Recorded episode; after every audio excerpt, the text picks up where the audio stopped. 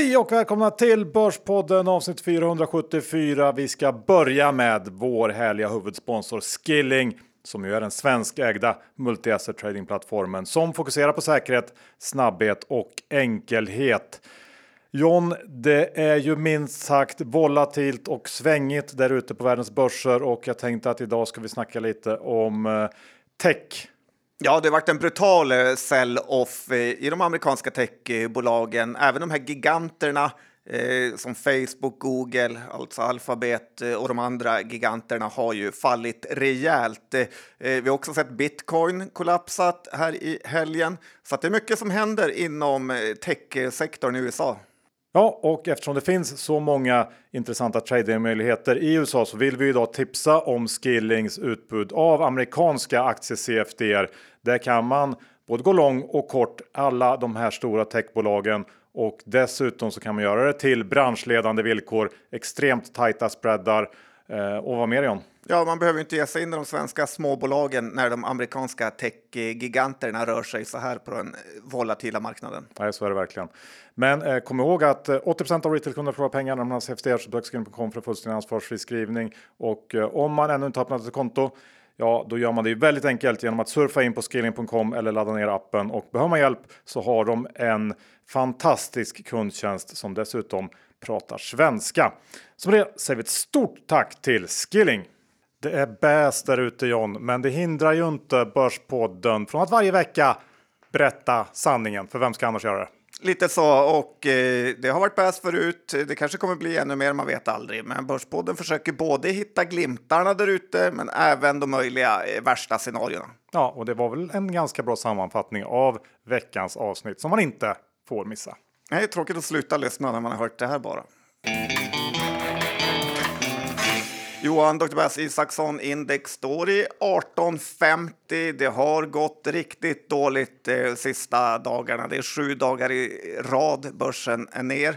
Eh, vi har ju pratat mycket om att den här eh, krisen kanske måste få ett offer för att börsguden ska förlåta våra synder. Ännu stretar ju alla emot får man säga och vi har inte haft någon Mats O, Erik Penser eller Refat ännu.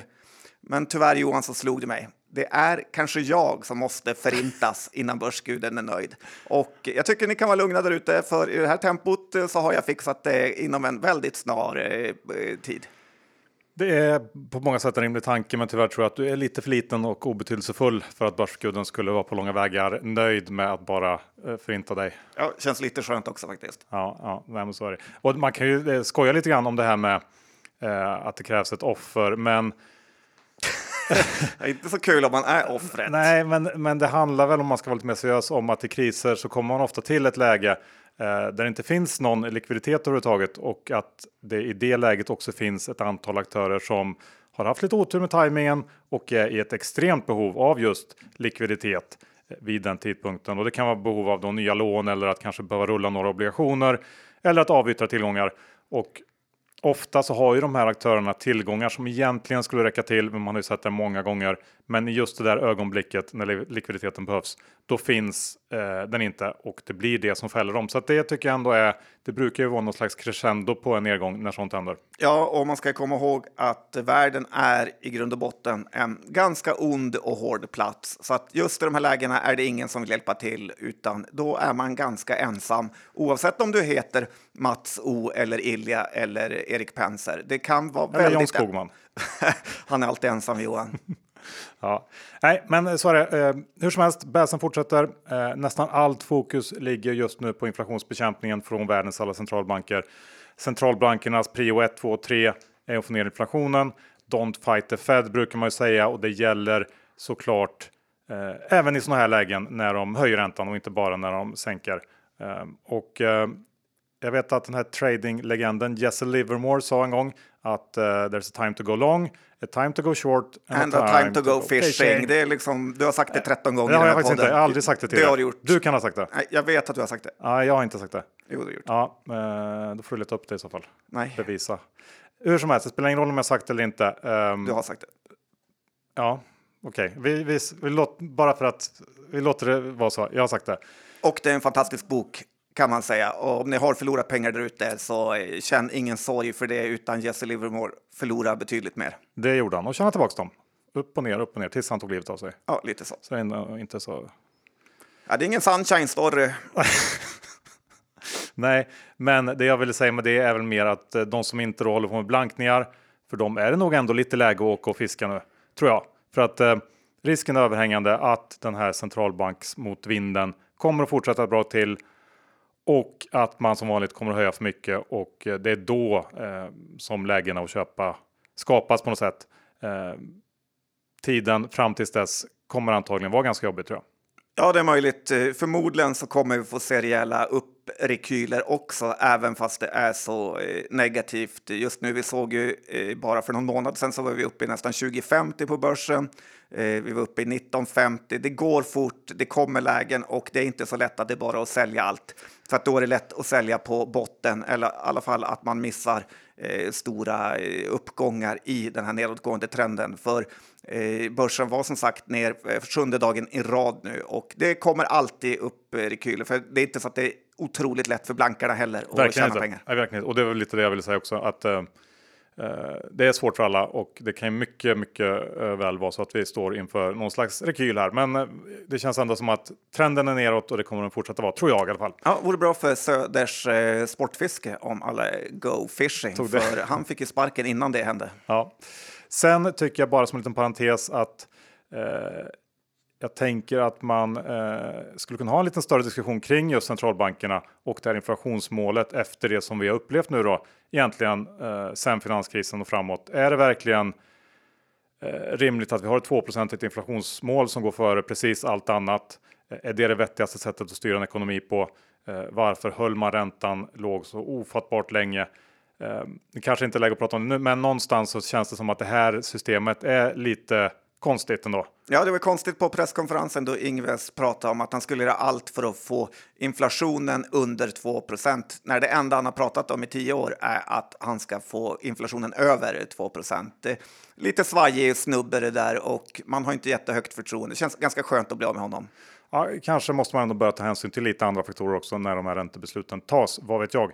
Å andra sidan lever vi i det största välståndet eh, ever created by mankind, Johan. Så att på något sätt fungerar det också får man säga. Ja, men tänk om det hade varit ännu större med eh, lite andra mål och regler. Men vet, vet vi ju inte. Det vet vi inte. Nej. Men det går ganska bra ändå. Ja, det är ganska. Fram tills nu då. Ja, du, jag tycker ändå världen borde klara. Vi, vi lämnar bäsen ja, ja, och går över till eh, positiva tecken, för det har du lyckats fiska upp några här. Jag tycker man måste ändå fokusera på det positiva med, för det är så lätt att när det väl har vänt eh, så missar man det. Och lite är det så att folk som inte vågar köpa aktier nu kommer inte våga köpa när det ser värre ut heller. Eh, undantaget börsproffs som dig då Johan. Eh, men vi eh, ska vi kolla på några eh, positiva tecken här och det ena är att Biden har ju sagt att pandemin är över i USAs del och eh, vi såg ju läkemedelsbolaget Moderna eh, kollapsade på börsen till följd av det inga mer nationella vaccinsprogram och lite tror jag att det kan smitta av sig till Kina faktiskt, att man börjar lätta upp där. Vi har ju redan sett hur några städer i Kina lättat upp sina lockdowns och det skulle kunna vara en sån här katalysator eh, som får igång världsekonomin igen som man inte har eh, räknat med. Ja, absolut. Det är ju inte alls omöjligt. Sen var ju Traton här ute och snackade i det igår. Eh, vdn säger att han inte ser någon avmattning i deras verksamhet utan tror att 2023 kommer bli ett lika bra år som 2022. Börsen har inte direkt köpt det här för Tratons aktie handlas ju eh, väldigt lågt och alla som kommer ihåg finanskrisen vet ju hur dålig eh, så kallad visibilitet VDR har. För då såg man heller inte någon försvagning i efterfrågan, men sen kollapsade allt bara något kvartal senare om man hade negativ eh, orderingång. Men med det sagt så känns det ju ändå ganska så bra att de ännu inte sett en kollaps, för det är ju precis det börsen verkar tro eh, i alla fall. Ja, kanske, men jag håller med börsen här. Jag tror inte att han vet så mycket om 2023 om jag ska vara ärlig. Nej, så är det. Men det känns ändå bättre att det tuffar på än att det inte tuffar på. Ja, det gör det. Sen ytterligare en grej, den tredje här då, som just nu är väldigt dåligt för börsen, men som kan bli bättre, är ju att regeringar, riksbanker, centralbanker och alla med makt vill ju sänka börsen och ekonomi nu, för man är ju totalt livrädd för inflation. Eh, man är räddare för inflation än allt annat och jag tror inte alla förstår det Eh, och det är därför vi inte ser någon hjälp från eh, regeringar, riksbanker eller andra som man brukar se när ekonomin blir svag, utan just nu är det det här de vill ska hända. Och när svackan väl har kommit, då kommer stöden att komma och då kan börsen rekylera upp fort. Ja, det tycker jag också är en viktig poäng. Du, eh, nu är vi i alla fall här. Vi har den första riktiga börskraschen sedan finanskrisen, tycker jag att vi kan slå fast. Ändå. Håller du med om det? Ja, men mer en nedgång. Det känns inte som en krasch ännu. Det är ingen sån här äh, bottenlöst. Mitt. Nej, men vi är precis i början av den här bottenlösa. Mm. Jag såg faktiskt eh, på CNBC The Mark Haynes Bottom igår. Ganska kul. Ja. Bra tv. Klassiker. 2009.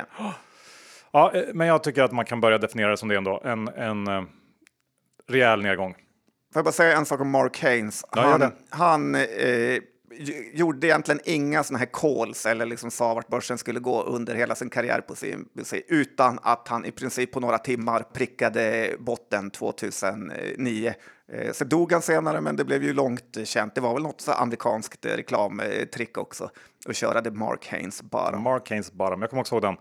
Uh, fick till och med en t-shirt uh, med det trycket på av en kompis. ja, många töntiga kompisar du har. kan man säga faktiskt. Du, eh, men eh, eh, frågan är då hur man ska tänka när det gäller det här med bottenfiske och så där. Och jag, eh, idag har jag framförallt fokuserat då på vad man ska försöka undvika eh, när man fyndköper och då kommer jag att tänka på ett riktigt uselt köp jag gjorde efter finanskrisen där mitt stora misstag var att fokusera alldeles för mycket på hur det sett ut innan krisen och då eh, vilken enorm potential som borde finnas där om det här bolaget bara kunde komma tillbaks till där man var innan krisen. Eh, Neonet, kommer du ihåg dem? Jajamän. Mm. Eh, det här bolaget hade ju tjänat, det var no, de, de var någon slags eh, börssystemsaktör. Eh, Och mäklare. mäklare. Mm. Ja, hade någon slags, ja, jag kommer inte exakt ihåg hur det funkar, men de tjänade väldigt mycket pengar på den stora börsaktiviteten under de här åren som ledde fram till krisen. Men återhämtningen som jag trodde på, den kom ju aldrig. Handelsvolymerna återhämtade sig knappt alls. Plus att då strukturen på hela marknaden förändrades ganska drastiskt får man säga efter finanskrisen eftersom alla banker mer eller mindre stängde ner sina egna eh, handelsrum och, och, alla traders åkte ut och en hel del nya regleringar infördes. Det gjorde det svårare att starta fonder och så vidare och så vidare.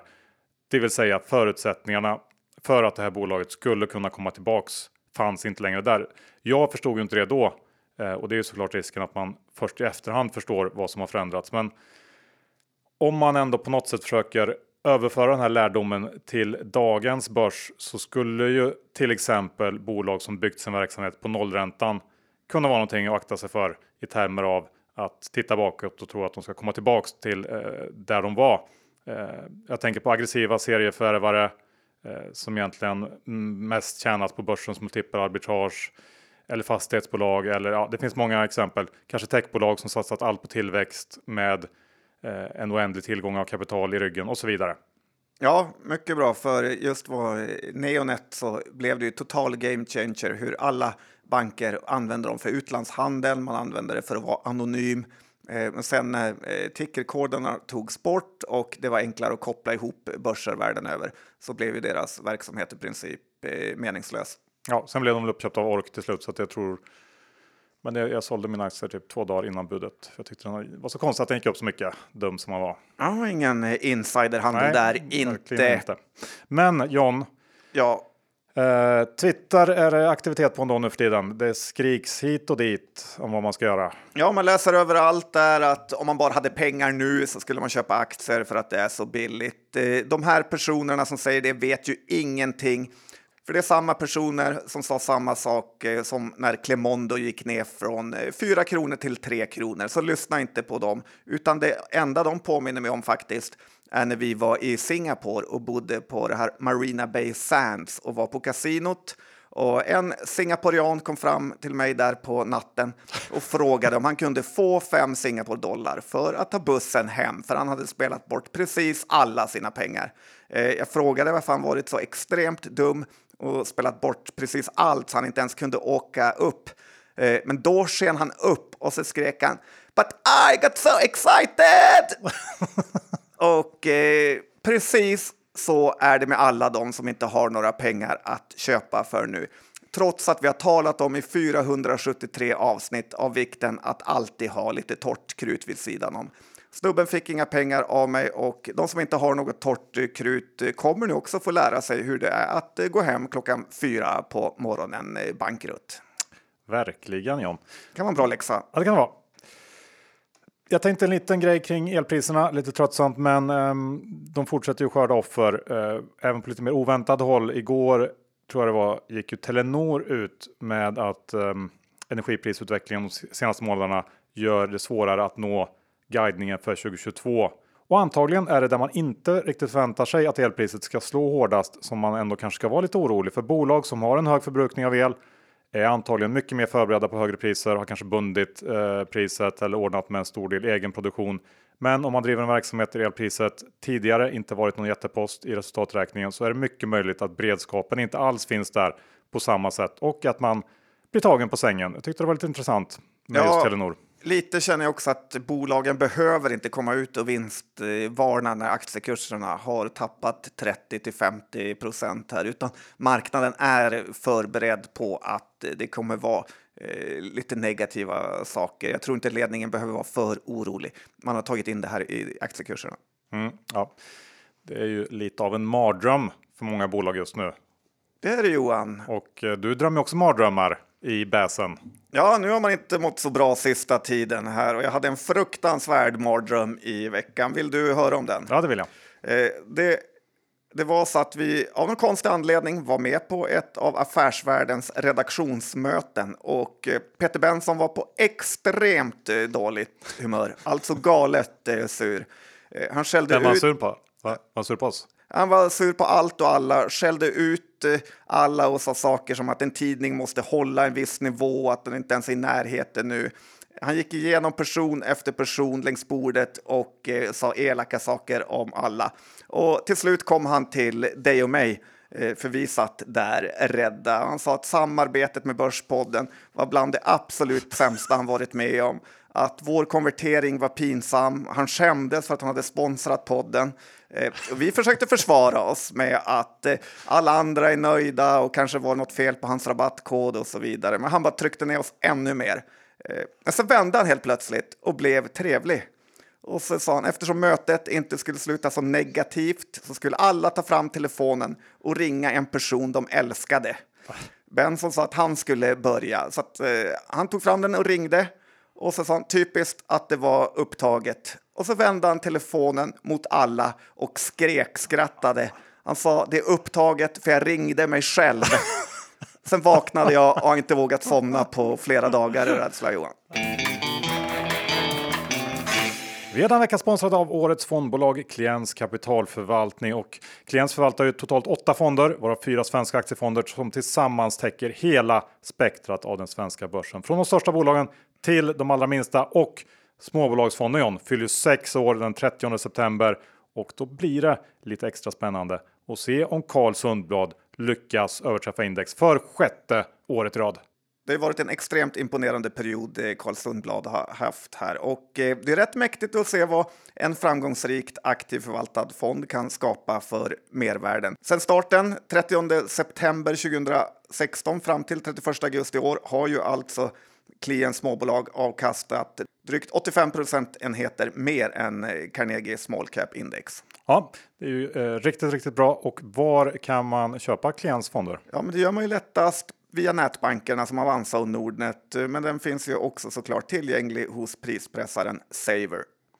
Ja, men kom ihåg att historisk avkastning är ingen garanti för framtida avkastning. Pengar som placeras i fonder kan både öka och minska värde och det är inte säkert att få tillbaka hela det insatta kapitalet. Och med det så säger vi stort tack till Klients kapitalförvaltning. Vi är denna vecka sponsrade av Mindler som ju är Sveriges största digitala psykologmottagning med över 250 legitimerade psykologer och eh, dessutom ett stort antal självhjälpsprogram i appen. Det fina med Mindler är att de garanterar en tid inom 24 timmar. Det här är en del av primärvården och deras företagstjänst gör ju att arbetsgivare snabbt och effektivt kan ta ansvar och erbjuda psykologhjälp åt hela arbetsplatsen. Ja, så jobbar man på ett eh, företag som inte har den här tjänsten så tycker jag att man verkligen ska ta sig ett snack med chefen eller HR för att eh, försöka få till det, att de också kan erbjuda Mindler. Och är man chef, ja, då vet man ju själv vad man borde göra. Ja, för det är ju så otroligt viktigt att arbeta preventivt i de här frågorna. Psykisk ohälsa är faktiskt idag den vanligaste anledningen till sjukskrivning och att arbeta förebyggande kan minska sjukskrivningarna och skapa en mer hälsosam företagskultur. Eh, och att säkerställa medarbetares mentala hälsa ligger ju såklart till grund för hela organisationens välmående. Så att gå in på mindler.se företag för att läsa mer om det här. Och Mindler är då alltså M-I-N-D-L-E-R. Vi säger ett stort tack till Mindler! Jan, jag tänker att vi börjar andra delen med att du eh, ska förklara hur man ska tänka kring nyckeltal i BAS. Ja, så är det för att vi försöker hålla folk utanför härvor eh, i den här tuffa perioden. Och ett nyckeltal som jag aldrig hört någon nämna, men som vi kanske kan döpa till anti-härv-nyckeltalet är ju att man aldrig, aldrig ska köpa aktier i bolag där, och lyssna noga nu, där P-talet är lägre än ev-ebit-talet. Eh, hänger du med? Ja, jag hänger med. Så att jag tar det långsamt igen, för det är ganska viktigt. Alltså att där P-talet är lägre än börsvärdet genom rörelsevinsten-talet då. För om det är så så betyder det att bolaget är väldigt, väldigt eh, skuldsatt. Det är bara att kolla själva att i princip alla svajiga bolag som har problem eller är på väg in i problem har ett sådant eh, nyckeltal. Eh, det är Intrum, det är nischbanker, det är hårdförvärvande bolag. Eh, jag tycker man ska ta en liten titt eh, på det. Ta hänsyn till balansräkningen helt enkelt. Ja, och eh, betydligt enklare att göra det via att det är lite som att kolla på en bostadsrättsförening. Är avgiften hög så är det en dålig förening. Eh, det kan man göra samma sak med börsbolag här. Mm. Ja, det är bra. Antihärvtalet. Antihärvtalet, det tar vi med oss och eh, då tar vi det med oss ända till H&M som rapporterade försäljningssiffror eh, i slutet på förra veckan för sitt Q3. Eh, om en dryg vecka så kommer ju hela rapporten. Eh, var en liten besvikelse de här försäljningssiffrorna eh, kom in lite under konsensus och då eh, faktiskt 8% under pre-pandemi-året 2019 som ju är en populär mätpunkt att titta på. Eh, H&M försöker höja humöret genom att berätta att höstkollektionerna har fått en bättre start än eh, under förra året och att försäljningen tog sig lite vad det, vad det gick här under tredje kvartalets gång. De flesta analytiker har skruvat ner estimaten en hel del efter de här siffrorna och vi har ju också då valuta, frakt, råvaror eh, Eh, med mera som kommer att påverka resultatet negativt här i Q3. Aktien har gått eh, jättedåligt i år, ner 40% ungefär tror jag. Eh, och på här 108, 9 eller vad det är kronor så kan man tycka att H&M är billigt. Men så, tyvärr så har ju aktienedgången gått hand i hand med en allt sämre vinstgenereringsförmåga. Så multiplarna är då trots eh, den här nästan 40% nedgången inte särskilt attraktiva. Som det ser ut nu så får man hoppas på att pappa Persson fortsätter att stödköpa den här aktien och att eh, de har lite flyt med prisutvecklingen för eh, diverse råvaror och sånt där och att det lugnar ner sig. Um, den höga direktavkastningen fortsätter nog locka en del, men i övrigt så ser det ju inte så kul ut för H&M. Och jag håller ju med. Um, det, liksom, det går ju hand i hand med dina spaningar, dina lynchningar. Ja, och eh, det tråkiga med H&M är ju att de har varit på dekis i sju, åtta år nu kan man säga. Det har varit, eh, så att det är inte så här att det kommer snabbt eh, studsa tillbaka, utan H&M står inför större problem än de kanske någonsin tidigare haft. Det är mer konkurrenter, det är allt är bara sämre för dem. Ja, och så har de väl fortfarande någon slags historisk premievärdering kvar, i alla fall till viss del. Eh, som inte riktigt eh, lirar med vad de presterat sista åren. Nej, det har blivit eh, Sveriges gap, tyvärr. Ja, ja. Ehm, och då, eh, det är ju uppenbarligen så att då inte ens H&M med sina ganska billiga grejer eh, lyckas i den här eh, tuffa konsumentpressen som råder nu. Och då kan man ju fråga sig om allt som rör konsumenten ser skit ut. Eh, men då funderade jag på vad konsumerar man oavsett i både hås och bäs? Berätta för mig Johan. Gå till dig själv. Exakt. Där det, det, kanske man ökar till och med skulle jag säga i bäs. Inte omöjligt. Och jag såg på nätet något klipp där någon sa att du använder eh, sprit och alkohol för att rengöra dina sår på utsidan och Du använder det också för att eh, reparera dina sår på insidan. Okej. Okay. Ja. Det var kanske inte jättekul. Nej. Semi. Inte ens det. 2-5. 1 av 5. Eh, men i alla fall titta på Viva Wine Group som noterades i slutet av förra året. Och eh, det här är ett bolag som jag tyckte såg ganska intressant ut i noteringen, men som jag faktiskt inte har tittat på sedan dess. Eh, borde då eh, med den här sponken funkar alltid teorin ha en okej okay möjlighet att klara sig i det här klimatet. Och för de som inte har koll på Viva Wine så är de en av de större vinimportörerna i Norden. Köper in vin från eh, några hundra olika leverantörer i främst södra Europa och säljer dem sedan då till monopolen i Sverige, Norge, Finland och även eh, direkt till konsument, framförallt i Tyskland.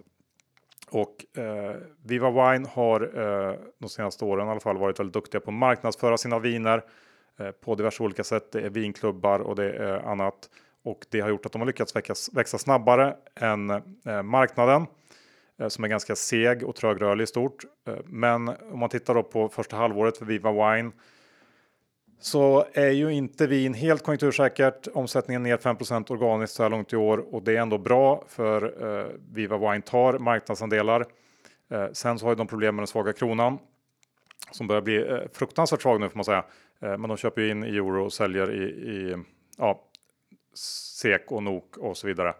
Och det eh, belastar marginalen. Den är ner en halv eh, procentenhet eh, i år. Men min känsla är ändå att det här är ett stabilt bygge. Eh, jag gillar satsningen på e-handel och det som är trist är väl att stabiliteten avspeglas i priset. Aktien handlas faktiskt i ganska höga multiplar. Den står på 50 kronor, noterades på 49 och givet hur mycket annat på börsen har rasat så tycker jag att det finns andra mer intressanta möjligheter. Men jag tycker att man kan bevaka den lite grann ändå om den skulle av någon anledning braka ihop.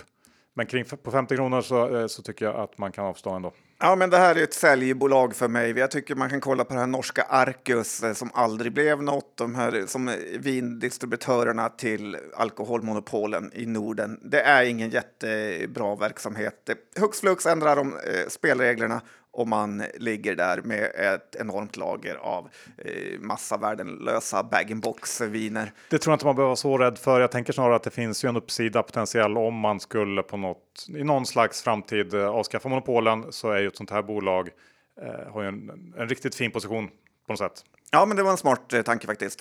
Men vi får se. Eh, det verkar i alla fall vara som att många eh, uppskattar den här typen av stabilitet i dagens läge. Och produkt. Ja, det också. Eh, och eh, de har ju lite e-handel här John. Eh, det sparkas e-handels vd på löpande band. Ja, jag måste ändå säga att jag tycker det är lite konstigt och nästan pinsamt hur alla e-handels vd bara ryker nu. Det är så uppenbart att det är strukturella problem i den här branschen eh, där det varit en boom och nu kommer en avmattning. Eh, det är lite som när bottenlaget sparkar tränaren, fast man vet redan innan att de kommer åka ur eh, serien. Det är BOG, det är Söder Sportfiske här i tisdags. Eh, det finns många, många exempel och om det inte är någon typ av straff från Eh, styrelsen som själva vill verka framstå i bättre dagar så förstår jag verkligen inte vitsen med att bara kicka vdn just nu. Förutom att man eh, har negativa sideffekter som att man drar på sig massa kostnader och eh, tappar tempo i ett läge där man verkligen behöver kämpa på och övervintra mer än att förändra hela verksamheten. Nej, visst, jag håller med där.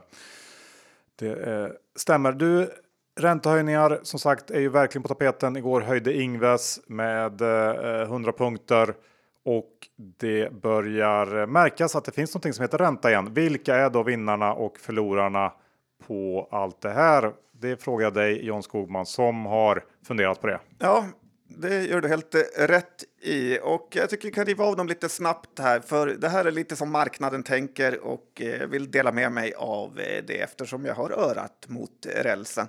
Men en stor förlorare är ju renoveringssvänget här. Byggmax, Svedbergs, Nobia, Bygghemma.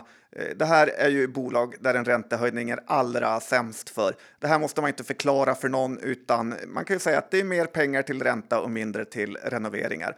Dessutom betyder ju en lägre omsättning på bostadsmarknaden. Det innebär ju i sig också mindre renoveringar eh, när folk eh, som dig Johan ska blåsa ut allting i lägenheten eller huset. Så att det är lite natti-natti för de här bolagen ett tag nu. Jag hoppas att man får satsa på de bolagen med stark balansräkning som kan övervintra. Men just nu ser det dåligt ut och det man ska komma ihåg är ju också att vi går ju från en bra period till en dålig period, vilket får det att se ännu sämre ut. Mm. Sen nämnde du tidigare, låg ju framkant som vanligt. Fastighetsbolagen, eh, det är inte direkt så att du behöver ha en börspodd för att fatta att det är tungt för dem. Direkt när räntebeskedet kom så kollapsade ju till exempel Rutgers bolag Corem och SBB. Eh, men det ska faktiskt sägas att eh, nästan skuldfria huvudstaden har klarat sig ganska bra här. Eh, många av de här eh, dåliga fastighetsbolagen har ju köpt eh, fastigheter till väldigt låga gilder och det blir nästan en förlustaffär nu. Så att, eh, det är ju förlorare såklart. Det finns ändå eh, några intressanta bolag där, eh, kanske vi kan ta upp sen. Sen konglomeraten här, det är Storskogen, Vestum. Det kommer bli mycket svårare att hålla ordning i alla de här bolagen i en nedgång med skenade kostnader och dessutom ganska hög eh, skuld. Och eh, Sen är ju räntearbitraget borta, att eh, man kan köpa bolag utanför börsen och finansiera det med gratis eh, lånade pengar. Eh, det är otroligt mörkt här också och svårt att se någon snabb ljusning. För det som är sämre här jämfört med fastighetsbolagen är ju att man inte i ett bräde bara kan sälja ett bestånd för 10 miljarder som SBB har gjort, utan här ska dansstudio efter julbytarverkstad eh, säljas ut enskilt. Det är också nattsvart här Johan. Ja, de känns ju riktigt, riktigt jobbiga faktiskt. Och sen slutligen så har vi ju småbolagen här som kommer vara stora förlorare när småsparare slutar köpa aktier medan pensionsfonder som får inflöden varje månad via folks pensioner och PPM och så vidare eh, kommer fortsätta köpas medan småbolagen kommer vara helt bortglömda till nästa småspararvåg vaknar upp om kanske ja, eh, två år. Men här tycker jag ändå att det finns lite glädje för att nu kan man faktiskt köpa in sig i aktier och ta riktigt eh, tänka att man tar del av vinsterna mer än att man ska jaga några galna kursuppgångar. Lite det som var grunden med aktier från första början. Mm, ja, bra. Ska vi kika på några vinnare också? Lite kul. Det är ju bankerna såklart som kommer kunna ta högre marginal så länge det håller sig till en inflations och efterfrågekris och inte övergår i någon typ av finanskris. För då är det ju bankerna som kommer åka på allra hårdast. Så det är en ganska tunn linje här mellan succé och eh, katastrof. Sen kanske också läkemedelsbolagen eh, kan ta högre priser på sina läkemedel i inflationen utan att kostnaderna egentligen har ökat eh, kombinerat med att finansmarknaden brukar älska såna här säkra platser under oroliga tider. Ja, Eh, och sen en liten så här outlier där eh, marknaden kanske inte har hängt med utan att man faktiskt kan göra en bra affär. Och eh, det är ju konsultbolagen som faktiskt skulle kunna gynnas eh, med att det blir lägre rörlighet bland de anställda. Digitaliseringen fortsätter och att omställningsarbetet för klimatet och så vidare fortsätter. Samtidigt som många av de här börsnoterade konsultbolagen jobbar på långa avtal och dessutom har många bolag som man kanske inte har tänkt på att de använder sig av underkonsulter som de lätt kan fimpa om de måste. Eh, för det är inte så att staten eller SEB snabbt kan sluta digitalisera bara för att börsen har tappat 20-30 procent. Och vi har ju sett i dagarna här hur B3s ordförande eh, lastat in aktier för tiotals miljoner i princip i det egna bolaget. Så att han har i alla fall inte gett upp. Nej, ja, det tycker jag är en eh, bra eh, lista ändå. Eh, kanske kan lägga till bara generellt i det här klimatet att mm, så här, om man säger digitala bolag som någon slags grupp känns ju ändå som att de är relativ vinnare med eh, in, slipper väldigt mycket av det här krångel som till exempel tillverkande bolag har med olika råvarupriser och elpriser som sticker i höjden och svårt att få tag på saker. Eh, har man en digital produkt så påverkas man inte alls av det i alla fall. Nej, och eh, så är det ju så som man kommer ihåg från finanskrisen att eh, det var ju Nasdaq som vände lite tidigare för att just att de digitala bolagen har ju inga skulder och att räntekostnaderna inte påverkar dem. Nej. Du, sen har du eh, suttit på kammaren och eh, knopplat ihop någon slags sammanslagningsidé som du vill lansera i podden? Känns någon typ av eh, H nu hela Lite tiden. Hånare. När du alltid, eh, när jag har suttit på kammaren och saker jag har tänkt på. Lite. Kan du inte bara tänka att jag är en av de största finansmännen i Stockholm istället? Ja, men berätta då. det kunde han inte tänka sig, vilket i och för sig var sant. Eh, nej, men det kom ut i veckan att eh, Stillström vill få bort ordföranden i profilgruppen eh, som bara suttit en kort period faktiskt. Och jag tror det beror på att man nu vill slå ihop B-Group och Profilgruppen som båda är verksamma inom lite samma sektorer och eh, båda aktierna har eh, extremt låga värderingar. Eh, Stillström och eh, hans gäng äger ju väldigt mycket i båda de här bolagen. Att man genom att göra det här så kan man dels spara pengar med en styrelse, en börsplats och så vidare och alla andra besparingar som finns. Men samtidigt som man bygger ett större företag där man slipper vara ett sånt här bolag som har en P4-5 värdering. Eh, frågan är väl hur man ska spela det här, för jag ser inte riktigt eh, hur man ska kunna tjäna på en sammanslagning, eh, förutom att det förmodligen är långsiktigt bra för de här två bolagen. Tror man på det här så ska man köpa nu aktien när det annonseras för att senare få skörda frukterna av ett samgående. Men det är en spaning som sagt och eh, inte jättesäkert att det kommer hända. Nej.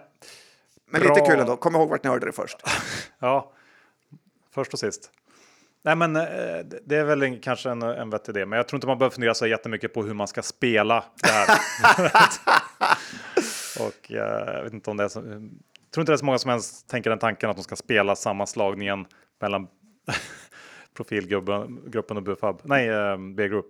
Nu vaknar du till här. Ja, ja, kul. Um, men något annat man kanske kan fundera på hur man ska spela, det är ju vad som händer i Norge.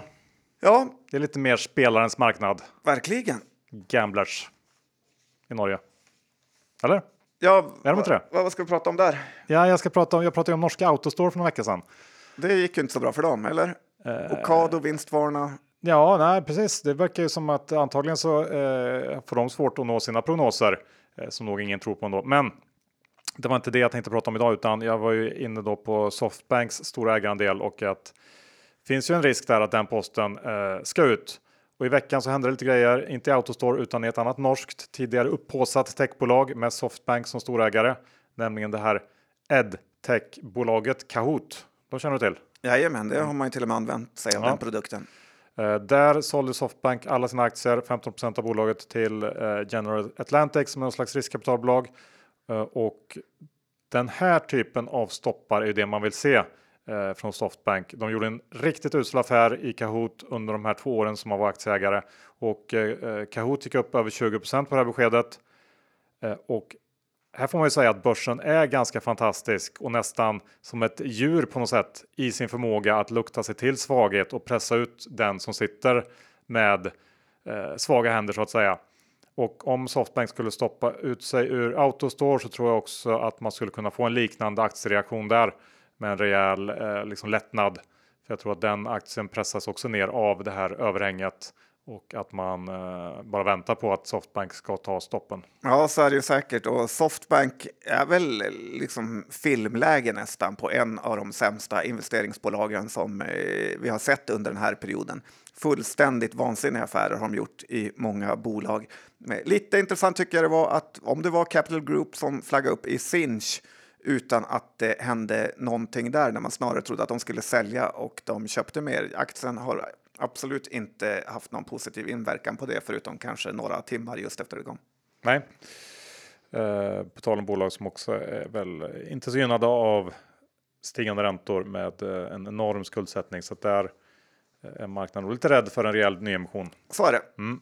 Du, vi ska prata lite om eh, ett bolag, ett stort amerikanskt bolag som man brukar använda som någon slags temperaturmätare eh, Eh, på konjunkturen. Jag tänker på Fedex som var ute och snackade i veckan. Ja, lite level 1-tänk eh, där och Fedex har vinstvarnat eh, och ungefär som att många semi kan något om börsen slår nu på stora trumman och snackar om att världsekonomin är körd för att Fedex är ju den här temperaturmätaren på hela ekonomin i antalet paket som skickas. Någon typ av sån här Gunnar Sträng-metod att räkna godsvagnar eh, som det alltid talas om från gamla goda. Eh, men så behöver det verkligen inte... Det är lite sten i glashus nu va? sa, sa killen som liksom räknar paket på eh, XXL i Bromma Blocks. Oj, oj, oj, vad het han är idag Johan. Men, men. men nej, nej. Nej, men såra mig mer bara. Det. Sparka på någon som ligger. Men det behöver inte vara så Johan. Noll självinsikt. Många analytiker i USA pratar om att den här Fedex-vinstvarningen också är mycket på grund av konkurrenssituationen som har ökat och man inte ska läsa in allt för mycket i det här. Fedex-aktien tappade ju massor för något år sedan Eh, när de blev av med Amazon som stor kund.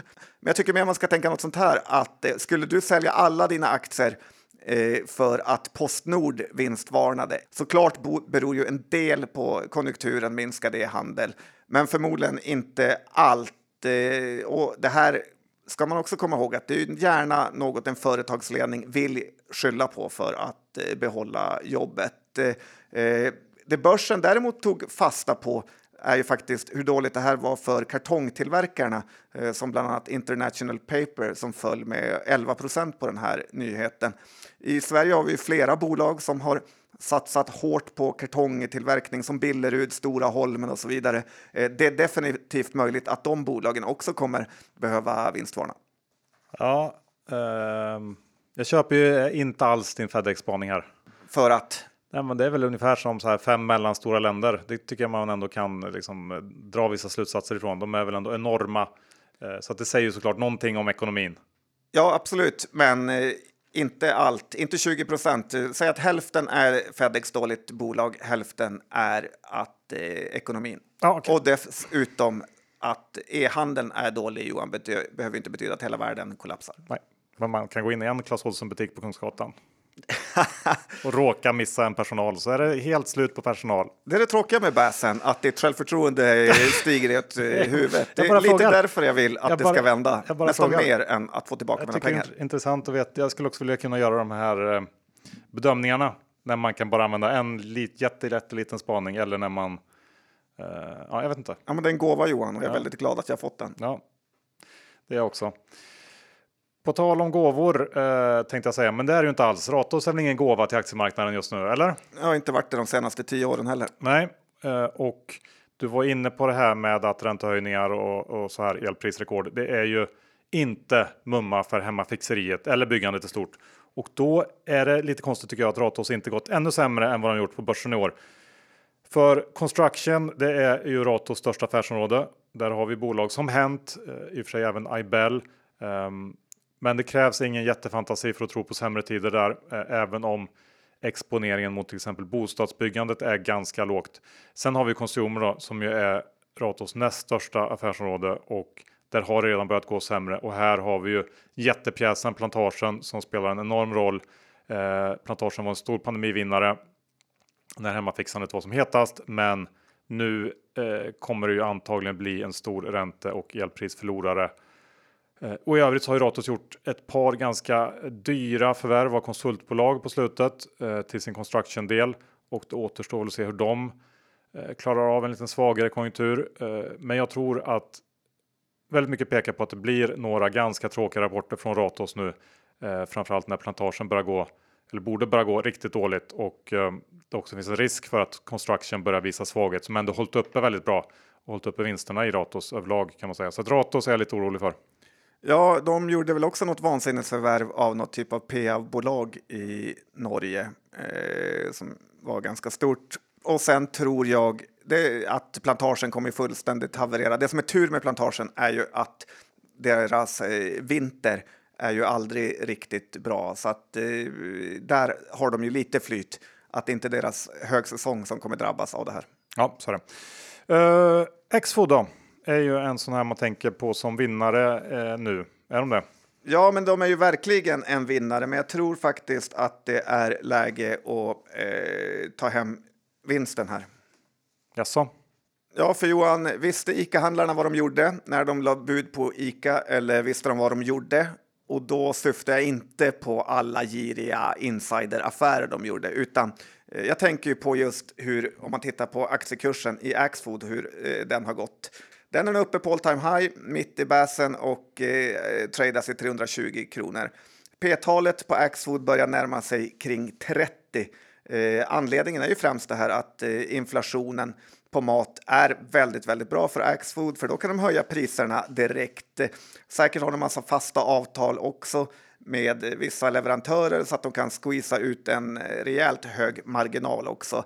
Eh, men jag tror man ska casha hem nu. Det finns ju inget bolag inom den här sektorn i världen som värderas eh, så här. Ahold i Holland är ju mycket, mycket billigare. Carrefour i Frankrike är ännu billigare.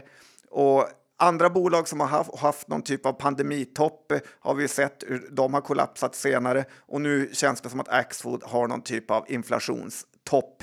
Och eh, jag tycker att äger man Axfood-aktier så ska man använda den här toppen till att hyvla av lite av sitt innehav eller sälja allt nu. För de har fått väldigt bra betalt och sälja varor från en hylla, det är inte P30 i min bok.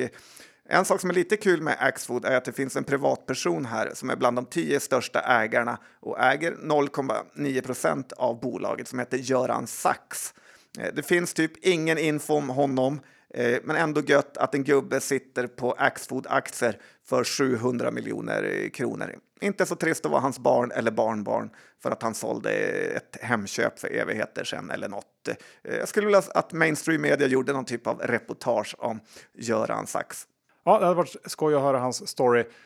Och John, ska vi säga någonting om fastighetssektorn också nu när den är verkligen i ropet? Ja, och det är så makalöst mycket negativt inom det här och allt är blodrött och det går knappt att eh, ta upp något positivt. Men jag tycker ändå det är kul att titta på ett utköp här som gjordes i USA. Oaktree och eh, Singapores eh, egen investeringsfond la ett bud på Raten Store som eh, bland annat Buffett är investerad i. Jag tycker ändå att det indikerar på att det finns någon typ av långsiktigt värde i fastighetsbolagen och det gäller bara att undvika de som kortsiktigt kommer falla på grund av överbelåning. Så kommer man ändå sitta på en väldigt bra tillgång. Eh, man ska ju komma ihåg att det är ju faktiskt belåningen i fastighetsaktier som avgör allt. Vi nämnde tidigare huvudstaden, den står fortfarande 120 kronor och det är ungefär vad den stått i de senaste åren. Eh, så att jag tycker man kan börja kika lite på att snitta in sig i eh, fina fastighetsbolag som till exempel Heba här som är lågbelånat, har bara bostäder i Stockholm och har halverats ganska snabbt. Här har man ju kicken av att det skulle kunna hända roliga grejer för Nordea har någon konstig deal med SBB här om vem som är storägare, vilket eh, förmodligen också sätter press på aktien. Så att jag tycker man ska leta fyndlägen i Heba. Ja, bra sagt. Och eh, då ska vi gå över till något helt annat, för vi har träffat gänget på Peppins för att ta tempen lite grann på den onoterade marknaden. Onoterade investeringar har ju blivit väldigt hett under de senaste åren och nu återfinns ju onoterade innehav i nästan var mans portfölj. Så att vi har eh, tagit ett snack med Peppins och det kommer här. Då säger vi välkomna till Anders och Martin från Peppins. Eh, jättekul att ha er här i Börspodden-studion. Vi kan väl börja med att ni bara kort eh, går igenom eh, vilka ni är. Ja, ska jag börja då? Anders Danielsson heter jag och är vd för Peppins. Eh, har det förflutet på Nordnet och eh, SEB eh, innan. Hur känns det att vara vd på Peppins? Det känns jättekul. Det är fantastiskt roligt. Särskilt ja, men just nu. Härligt. Mm. Och eh, Martin Larsson eh, anställdes eh, som eh, ansvarig för eh, Corporate Finance på Peppins utav eh, Anders Danielsson här vid årsskiftet. Eh, dessförinnan så har jag lite drygt 20 år i finansbranschen jobbat med huvudsakligen svenska värdepapper, aktier och derivat. Så att ni är rutinerade killar i finansbranschen hör man. Ja, jo, men det ska man säga. Lite erfarenhet i alla fall. Perfekt och eh, de lyssnare som har varit med länge och lyssnat på Börspodden känner ju till Peppins. Vi har ju jobbat tillsammans eh, förut, men vi kan väl snabbt dra. Vad är Peppins för någonting? Vad gör ni? Ja, men det vi gör det är att vi arbetar med eh, kapitalanskaffningar i onoterade bolag eh, och därmed gör vi också investeringar tillgängliga för allmänheten i de här bolagen. Och dessutom erbjuder vi investerare möjlighet att köpa och sälja aktier i de här bolagen eh, som finns på vår plattform. Och eh, vad, vad, kan ni dra något lite så kul case som har eh, lanserats på plattformen genom åren? Någon riktig så här framgångssaga? Ja, alla känner till eh, Paradox tror jag, eller de som har varit med ett tag känner till Paradox. Men Martin, du kanske vill ta någonting som har hänt mer nyligen? Ja, men även i ett historiskt perspektiv så har vi jobbat med bolag som Hemnet, eh, Dynamic Code, eh, Sveriges största gigbolag, Frilansfinans. Men eh, också nu på senare tid eh, spännande bolag inom trafiksäkerhet som är ett bolag som heter Bookman som är finansierat av POC och Cake-grundaren Stefan Ytterborn. Och, och, senare genom vår försorg också finansierat av Spiltan. Eh, sen under sommaren här så körde vi en kapitalanskaffning i ett foodtechbolag som heter Berta som vi faktiskt eh, sett i liksom ljuset utav hur de finansiella marknaderna sett ut här de senaste halvåret så faktiskt övertecknades den emissionen. Eh, och där Almi Invest, eh, Aggregate Media och också Cale United eh, numera finns bland, eh, bland ägarna. Och eh, sen här i eh, torsdags i förra veckan så öppnade vi upp en kapitalanskaffning i eh, Europas enda helt växtbaserade investeringsportfölj där vi ska ta in 25 miljoner kronor och det är då Cale United eh, som är grundat av Måns Ullerstam och med eh, Coops tidigare vd Magnus Johansson i styrelsen. Hur är eh, intresset nu för onoterat? Eh, det är lite halvsurt klimat får man lugnt säga på vanliga börserna, men eh, hur ser det ut inom er sektor? Nej, men vanligtvis så är det väl alltid en fördel med att bolag är noterade. Det finns liksom en, en, en, en likviditet i tillgångar. Men, men givet det marknadsläge där vi just nu befinner oss i så skulle jag faktiskt säga att det finns vissa fördelar med att, att verka i den onoterade miljön. Därför att du som investerare tvingas lyfta blicken eh, och ta liksom eh, välgrundade investeringsbeslut eh, och också göra det med ett lite längre tidsperspektiv. Men gynnar det er också att ni får vad ska man säga, bättre bolag som söker sig till er för att det är svårare att få pengar på vanliga marknaden eller av affärsänglar som kanske har späckat bort pengarna på börsen? Ja, nej men jag tror det. Ehm, det är nog en del finansieringsmöjligheter som har eh, dörrar som har stängts där ute, vilket har gjort att vi kommer i kontakt med bolag i lite senare skeden än vad vi kanske historiskt har gjort. En eh, sak jag älskar med eh, Peppins är ju att man kan investera i idrottsklubbar. Jag såg på hemsidan, det är Djurgården Hockey, det är AIK, det är Timrå. Eh, nu drar ju hockeyallsvenskan eh, igång så det är ju väldigt kul att eh, ni kan hjälpa eh, föreningar att eh, skramla ihop pengar och att man kan bli delägare i sin förening. Ja, men verkligen. Och det där är kanske en investering man gör mer med hjärtat än med eh, return on investment i fokus förstås. Men eh, det är ju jättekul förstås. Ja, eh, är det någon annan idrottsklubb som är på gång? Har, har Löven något på väg in och kan behöva lite pengar? Nej, men det kan absolut komma framöver. Det är, det är absolut ett erbjudande som vi har. Framförallt är det ju så att ja, men, både för kapitalanskaffning men också för att finnas på plattformen. Vi blir ju så att säga, kan vara ett steg på vägen till eh, en notering. Eller om man inte känner för att notera sig, om man känner att man, man inte har de tillväxtambitionerna och ska vara kvar i en onoterad miljö då är vi en ganska bra plattform för att också hantera ett spritt ägande. För man, som, som en, en liten ägare kan man också avyttra sitt innehav om man skulle behöva. När vi var på den här Peppinsdagen på Gamla Goda så var ett bolag som drog till sig extremt mycket eh, eh, uppmärksamhet var den här vingården. Eh, es Eskapat, ja, ja, precis. Kan du inte berätta lite hur det går för dem? Jo, nej men det går bra för dem. Det har ju varit, de har ju både eh, vinodling och hela den verksamheten och också så har de ju ett eh, boende eh, där nere med liksom allt allt därtill. Så, att, så att det har väl varit eh, hårt förstås under, under covid, men jag tror att de har kommit, kommit ut eh, rätt bra ur det faktiskt och, eh, och, och, och, är ännu starkare. Så att nej, men det, de, det går bra för dem och, och det är kul också. Vill man bli delägare i en vingård, vilket vi nog alla vill så småningom i alla fall, många av oss i alla fall, då är det här ett bra sätt, ett bra steg på vägen. Man behöver inte äga hela vingården. Jag vet att, att när vi då jobbar mer Tidigare så pratar man också mycket om det här med kraften i eh, den här typen av ägande, att man får ett stort antal vad ska man säga, ambassadörer som vill eh, hjälpa bolaget och sprida, eh, sprida namnet så att säga. Kan man se att det där funkar? Ehm. Ja, verkligen. Och sen så är ju olika bolag olika bra på det också och alla kanske inte har den anledningen. Om man är ett SaaS-bolag kanske inte det var liksom. Men viss, för vissa bolag så funkar det väldigt bra och vissa bolag är också väldigt bra att via Peppins plattform mobilisera sina ägare att eh, handla just den där drycken på systemet eller Så, för att helt enkelt eh, promota den produkten där man är ägare i. Hur många crowdfunding-personer eh, har ni på plattformen?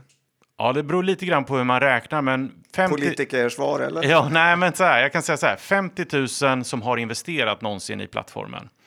Eh, och då räknar jag inte alla som handlade på alternativa 2004, liksom. men, men eh, så 50 000 som har investerat. Men om man ser till hela vårt nätverk, det som är vår kontaktbok, så, så är den väl drygt 200 000. Oj då, då börjar det ändå röra sig om en hel del eh, människor. Vem har tjänat allra, allra mest pengar? Ja, det vet jag inte däremot. Men, eh, men det finns ju vissa, eh, vissa investeringar som är, eh, har, har skjutit rejält i höjden och förstås. Men eh, ehm, många investerar ju också smarta och, eh, och sprider sina risker och investerar i många. Och det är ju särskilt viktigt förstås när det är onoterat. Eh, I, i bolag i tidiga skeden, risken är högre och då är det ännu viktigare med diversifiering förstås och bygga en portfölj. Ja, jag kommer aldrig glömma eh, det här eh, paradox-eventet, eh, som säga, när folk satt i publiken eh, och det räknades ner en klocka från att man kunde investera och de som fick eh, allokering då eh, var garanterade en hacka. Det var härliga tider. Ja, verkligen. Nej, men det var ju toppen, toppen case, verkligen. Ja, det var det. Men det är ju spännande tider nu också och ni har ju ett par aktuella projekt som är igång nu. Har jag sett när jag var inne på hemsidan och tittade. Kan ni inte berätta lite om, om vad ni har på gång? Ja, nej, men just nu så har vi två stycken eh, transaktioner som ligger eh, öppna för, eh, för teckning. Eh, ett bildelningsbolag från västkusten som heter Easy2. Och sen har vi då Cale United som är ett annat superspännande bolag där vi just nu ska ta in 25 miljoner kronor. Och där vi faktiskt, ja men vi öppnade upp den transaktionen i torsdags och Eh, första dygnet så lyfte vi in ungefär en, eh, lite drygt 5 miljoner kronor i den emissionen. Så att eh, till ungefär säg 200 stycken nya aktieägare. Sen så kanske man också ska säga att eh, ehm, det här är ju primäremissioner så att säga, där, vi, där bolag tar in nytt kapital. Nu kommer vi också komma igång med handeln igen som har legat nere under eh, året. Så att i oktober kommer det öppnas investeringsmöjligheter i alla de bolag som, som eh, kommer att handlas också. För det tycker man ska säga om man går in på er hemsida. Det är ju väldigt många bolag ni faktiskt hjälpt att eh, ta in pengar mm. åt eller som det finns handel i. Det är ju mm. inte bara några få utan det är väldigt, väldigt eh, många. Så att det finns, man kan ju välja och vraka lite grann vad man vill eh, köpa in sig i. Verkligen, så att jag menar det kommer väl vara tror vi ett 20-tal eh, bolag som det går att handla i i eh, slutet på oktober på Peppins. Och eh, det är ju ver verkligen bolag av olika karaktär som där handeln har legat nere, nere sedan i december. Så att det är ju det är verkligen eh, eh, in, intressant smörgåsbord att sätta sig in i vad det är för bolag. hur funkar det då med handeln? Det, måste man ha någon depå hos er eller vart hamnar aktierna och hur betalar man? Nej, eh, man behöver inte ha någon depå hos oss, för det, det har vi inte så att säga tillgängligt. Och det finns två olika sorters bolag kan man säga. Antingen är det avstämningsbolag eh, som, som har eh, då, där, där, man då har sina aktier på, på sitt depåinstitut, om det är Avanza eller Nordnet eller vad, vad man har det. Och sen så eh, annars är det bolag där man har det i en aktiebok och då är det registrerat i en aktiebok, men innehavet syns på Peppins. Så det är de två varianterna. Sen så handeln går till så att man eh, lägger en order och eh, eh det kommer vara så att eh, eh, i början på handeln, i de två första dagarna, handeln kommer ta nästan en vecka så att säga, för, att, för att göra ett avslut eh, i, i ett bolag. Eh, och då, då kommer det vara så de två första dagarna så kommer vi ha prissättning så att säga. Då, då är liksom inte priset känt än. Så då kan man lägga order baserat på liksom vad man själv tror och tycker att det där bolaget är värt. Och sen så eh, efter två dagar så bestämmer vi pris baserat på de, de ordrar som ligger. Och då kan man lägga order till ett känt pris som man inte har gjort innan så att säga. Och sen köper Peppins in aktier, eh, lika många aktier som man, som man kan sälja så att säga. Så någon typ av långsam kol? Exakt, det är man... som, en, som börsens första minuter eh, i, i ultrarapid verkligen. Så, så, så kommer det funka. Och eh, det kommer vara ett, ett, bra och effektivt sätt att hantera många små transaktioner och stora transaktioner också. Så att, eh, mm. Har ni något eh, favoritbolag själva på Peppins-plattformen? Ja, jag vet inte. Jag tycker det är väldigt intressant nu med, eh, med eh, till exempel vindkraftsbolag. Slättens vind, eh, jag menar, det blåser som katten på Västgötaslätten och det är ju väldigt, väldigt höga elpriser. Sprutar in pengar där eller? Exakt, det borde göra det verkligen. Mm. Ja, okej, okay, så att nu, nu då kommer det en möjlighet att handla eh, i alla de här bolagen som finns och så har ni de här två projekten som är pågående som tar in pengar. Hur ser det ut eh, längre fram i höst? Eh, med eh, aktiviteten? Ja, men det ser väldigt bra ut. Ehm, jag kom ju som sagt in vid, vid årsskiftet på, på Peppins och eh, om inte så för övriga bolag så åtminstone för min del så blev det ju liksom en viss omstart för affärsområdet och, och gruppen som, som jag nu liksom leder. Eh, under första halvåret så gjorde vi ungefär sex stycken kapitalanskaffningar. Jag tror att vi kommer göra minst sex stycken eh, det andra halvåret i år. Eh, och eh, nästa år så tror jag att vi kommer övertrumfa det med säg en 15 till kanske upp mot en 20 kapitalanskaffningar. Så att, och, och, och vi, jag menar vi träffar kanske ungefär, jag skulle säga för 2022 så kommer vi träffa ungefär 250 bolag varav vi väljer och de väljer att jobba med oss i, i då ungefär liksom ett, säg 15-tal transaktioner. Så att vi, vi tittar ju liksom på, på jättemånga bolag och försöker verkligen jobba med de allra bästa som vi tror är en bra match för, för bolaget, för oss själva och såklart för, för vår crowd och för de som ska investera. Men tanken som jag arbetar utifrån är ju mycket att du ska som en som en privatperson så ska du kunna bygga upp en väl diversifierad onoterad portfölj genom Pepins försorg. Ehm, och, och få liksom en, en bra riskspridning av bolag i olika branscher, sektorer, vertikaler, olika affärsmodeller och olika fas och kanske också olika geografier. Mm. Så att det, vi tittar liksom på, på helheten, jag skulle säga i mångt och mycket som en, eh, som en, som en VC-fond. Eh, men vi gör den liksom, vi försöker demokratisera eh, den typen av investeringar. Ja. Det låter ju ändå bra, för vi på Börspodden har varit väldigt arga på investmentbankerna som har eh, satt allt möjligt skräp på börsen. Men du menar att ni gör någon typ av gallring innan för att hitta eh, topppicksen lite grann? Nej, men eh, det gör vi absolut. Och, och jag menar, vi vi jobbar med, med bolag i tidiga faser, men för oss är det, även om vi också kan hjälpa ett bolag till börsen och vi kan också facilitera viss handel genom vår plattform. Så för oss är det inte superviktigt att bolaget har en tydlig noteringsstrategi när de kommer till oss med en kapitalanskaffning. Det, jag menar, vanliga korpfirmorna på, på stan, de kanske vill se att bolaget ska notera sig inom 12 till 18 till 24 månader det är inte ett måste eh, för oss. Ni måste väl vara lite så här, ligga i täten och se vad, vilken trend som går eh, just nu. Vilka bolag är det som söker pengar eh, just nu skulle du eh, säga? Ja, men jag skulle säga att det är ganska mycket foodtechbolag mm. och dryckesbolag. Vi är väldigt selektiva med, med dryckesbolag. Vi, vi gjorde en kapitalanskaffning i ett bolag här i, i början på året, Hammars Bryggeri som vi hjälpte att ta in ungefär 8 miljoner till. Eh, men här under Q2 och eh, Q3 så är det mycket matbolag. Eh, som sagt, vi gjorde kapitalanskaffning med, med Berta, bolag baserat i Karlshamn. Och nu så gör vi ett investmentbolag eh, eller investeringsbolag som heter Cale United.